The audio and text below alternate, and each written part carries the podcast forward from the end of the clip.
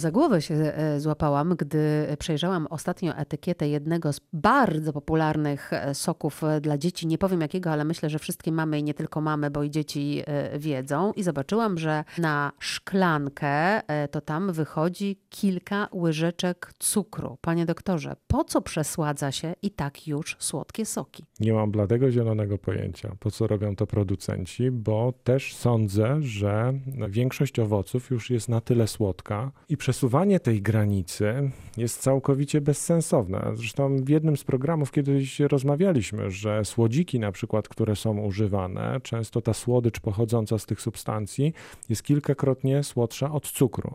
Więc jeżeli zaczynamy nadużywać samego cukru, jeszcze słodzików, to ta granica się nam przesuwa i zaczynamy tego cukru pakować coraz więcej, bo to jest pożądane, taka jest akceptowalność konsumencka, bo wszyscy producenci mówią, że tego właśnie oczekują oczekuje nasz konsument, moim zdaniem całkowicie nieuzasadnione, bo podstawowym problemem, jaki teraz mamy i od czego tyjemy, to cukier. Cukier, tego jest za dużo w diecie.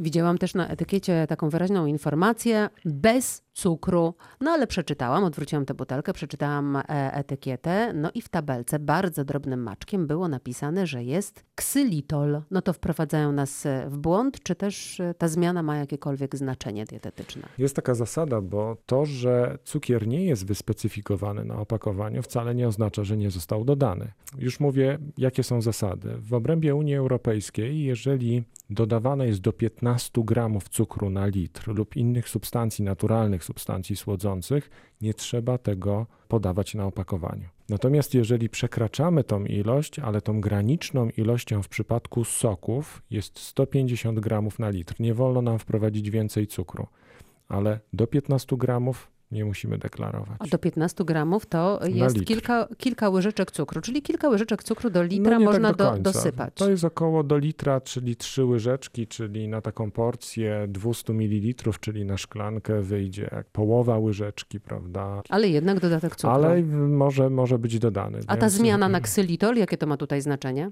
No ksylitol przede wszystkim ma niższą kaloryczność, prawda? I, bo jest alkoholem, więc jest substancją słodzącą, która ma ograniczyć ale tego ksylitolu też nie musimy się obawiać, ponieważ on naturalnie występuje w wielu takich składnikach, prawda? Jest, one są dosładzane ksylitolem, chociaż też nie powinniśmy tutaj przesadzać.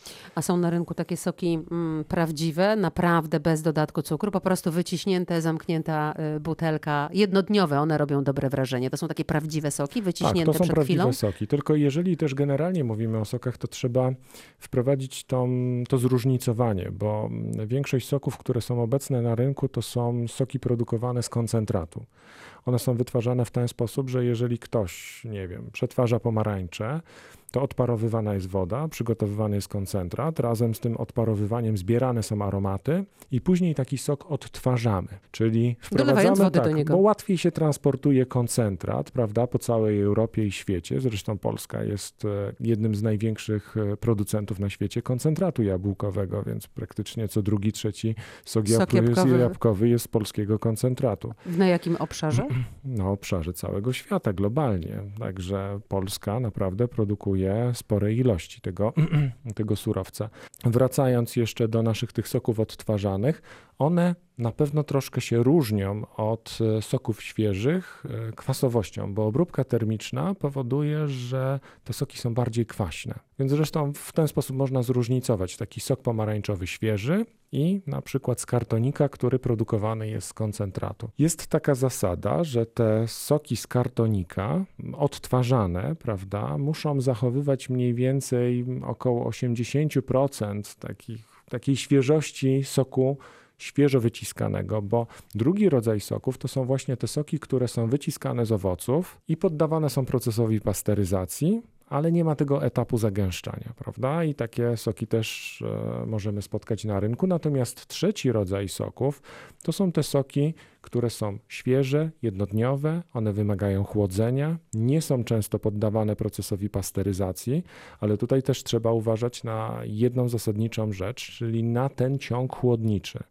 Jeżeli mówimy o ciągu chłodniczym w przypadku soku pomarańczowego, to proszę zwrócić uwagę, że on ma duży, e, dość długi okres przydatności do spożycia, ale marchwiowy już nie, bo tym elementem zabezpieczającym jest kwasowość samego soku. Zresztą na niektórych sokach marchwiowych, jednodniowych jest taka informacja, To jest taki że konserwant, tak? kwasowość naturalna z tych substancji, które występują w, w pomarańczach, prawda, czy w jakichś innych surowcach, już zabezpieczają ten produkt. Natomiast marchew nie ma takiej kwasowości jak na przykład sok pomarańczowy i tutaj już musimy bardzo mocno uważać. Ale bo- jak my mamy uważać na proces chłodniczy, jak my wchodzimy do sklepu, bierzemy sok do ręki, idziemy do kasy? No, oczywiście producent i handlowiec muszą zabezpieczyć te warunki, ale jeżeli nasza świadomość jest taka, że przychodzimy do domu i zostawimy taki sok na blacie, prawda, bo stwierdzamy, że nie lubimy zimnego, a później o tym zapominamy, e, później nam się gdzieś tam odechciewa wypicia tego soku i go na nowo wkładamy do lodówki, to okazuje się, że sumarycznie ten sok poza chłodem był około 3-4 godzin. To już wystarczy, że w przypadku takiego soku właśnie marchwiowego mogą się namnożyć drobnoustroje, które lodówka ich nie wyeliminuje później dalej, tylko i wyłącznie ograniczy ich wzrost, ale one już sumarycznie osiągnęły taką liczbę, która może nam zaszkodzić. Czyli najprościej mówiąc, jeśli już taki sok jednodniowy odkręcimy, on musi być w lodówce. Najlepiej, gdybyśmy go od razu spożyli. Dzieci e, nie przepadają za piciem wody, więc często zdarza się, że rodzice chcąc no, pogodzić e, to zdrowe odżywianie e, z tym, czego potrzebuje i chce dziecko, kupują wodę z dodatkiem soku na przykład cytrynowego, pomarańczowego albo jabłkowego. To rzeczywiście jest dodatek soku, czy też dodatek czegoś zupełnie innego? No chciałbym tutaj zróżnicować, bo w tym obszarze mamy jak gdyby dwie grupy produktów. E, Pierwsza grupa to nektary, a druga grupa to napoje, a to są dwie zupełnie różne rzeczy. Jeżeli mówimy o, o nektarach, to są rozcieńczane wodą soki owocowe. I tutaj ten stopień rozcieńczenia w zależności od, owo- od owoców może wynosić 50% soku, prawda, w takim nektarze do 25-30 w przypadku niektórych surowców, takich jak na przykład jeżyny. Natomiast e, jeżeli mówimy o napojach, a- aha, jeszcze jedna ważna rzecz, że w przypadku właśnie nektarów ta ilość cukru może być zwiększona. Tak jak w sokach mamy do 150 gramów na litr, to w przypadku nektarów możemy dodać do 200 gramów na litr. Więc polecam, jeżeli już mamy, chcą podawać swoim pociechom, to lepiej kupić sok, wlać odrobinę do szklanki i samemu sobie rozcieńczyć wodą i wtedy będziemy na pewno mieli gwarancję, że mm, ta zwiększona ilość cukru nie została dodana do naszego produktu. Natomiast druga grupa artykułów to są tak zwane napoje. I tutaj zawartość soku może wynosić od 3 do 5%. Czyli tyle co nic. Tyle co nic. Dopuszczone są tutaj wszelakie substancje, bo tak jak w przypadku soków, nie wolno stosować aromatów, barwników czy syntetycznych aromatów, barwników. To w grupie napojów można praktycznie stosować wszystko. Po pierwsze, możemy nawet trafić na taki produkt, który w ogóle soku nie będzie zawierał. Czyli co będzie zawierał? E, Może zawierać jakiś barwnik, może zawierać kwasek cytrynowy, który będzie jak gdyby e, Cokolwiek, maskował, co zmieni smak. co zmieni smak, prawda? I to zdecydowanie jest niepolecane. To chyba muszę pana na wyciskany zaprosić teraz. No zdecydowanie, ja polecam soki takie przygotowane W sokowirówce. e, w sokowirówce i od razu wypijane, one mają wtedy największą wartość odżywczą. Zresztą proszę pamiętać jeszcze o jednej rzeczy, że jeżeli chcemy na przykład nauczyć nasze pociechy wypijania soków, to na pewno zauważyliśmy różnicę pomiędzy tymi sokami spożywanymi czy przygotowanymi bezpośrednio z sokownika, że one nie mają takiej cudownej barwy. No nie, i są gęste i coś I w nich są pływa. gęste i coś w nich pływa, natomiast te soki, które kupujemy w, w sklepach, bardzo często są przekoloryzowane. I proszę zwrócić uwagę, że dziecko wychowywane na takiej barwie soków, bardzo żywej, niekoniecznie kojarzy e, sok wyciśnięty z jabłek jako taki lekko brunatny, jako coś zdrowego. Więc Wiedziałam. należy pamiętać o tym też, że nasze pociechy edukujemy też barwą, żeby one nie kojarzyły właśnie tych cudownych przekoloryzowanych jako te zdrowe, a tych brunatnych jako coś niewskazanego w naszej diecie.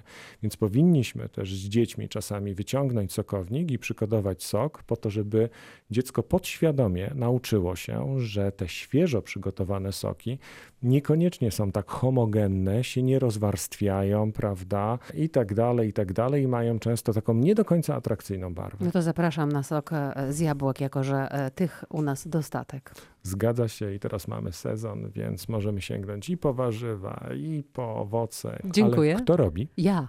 Aha, to tym bardziej. Dziękuję bardzo. Dziękuję.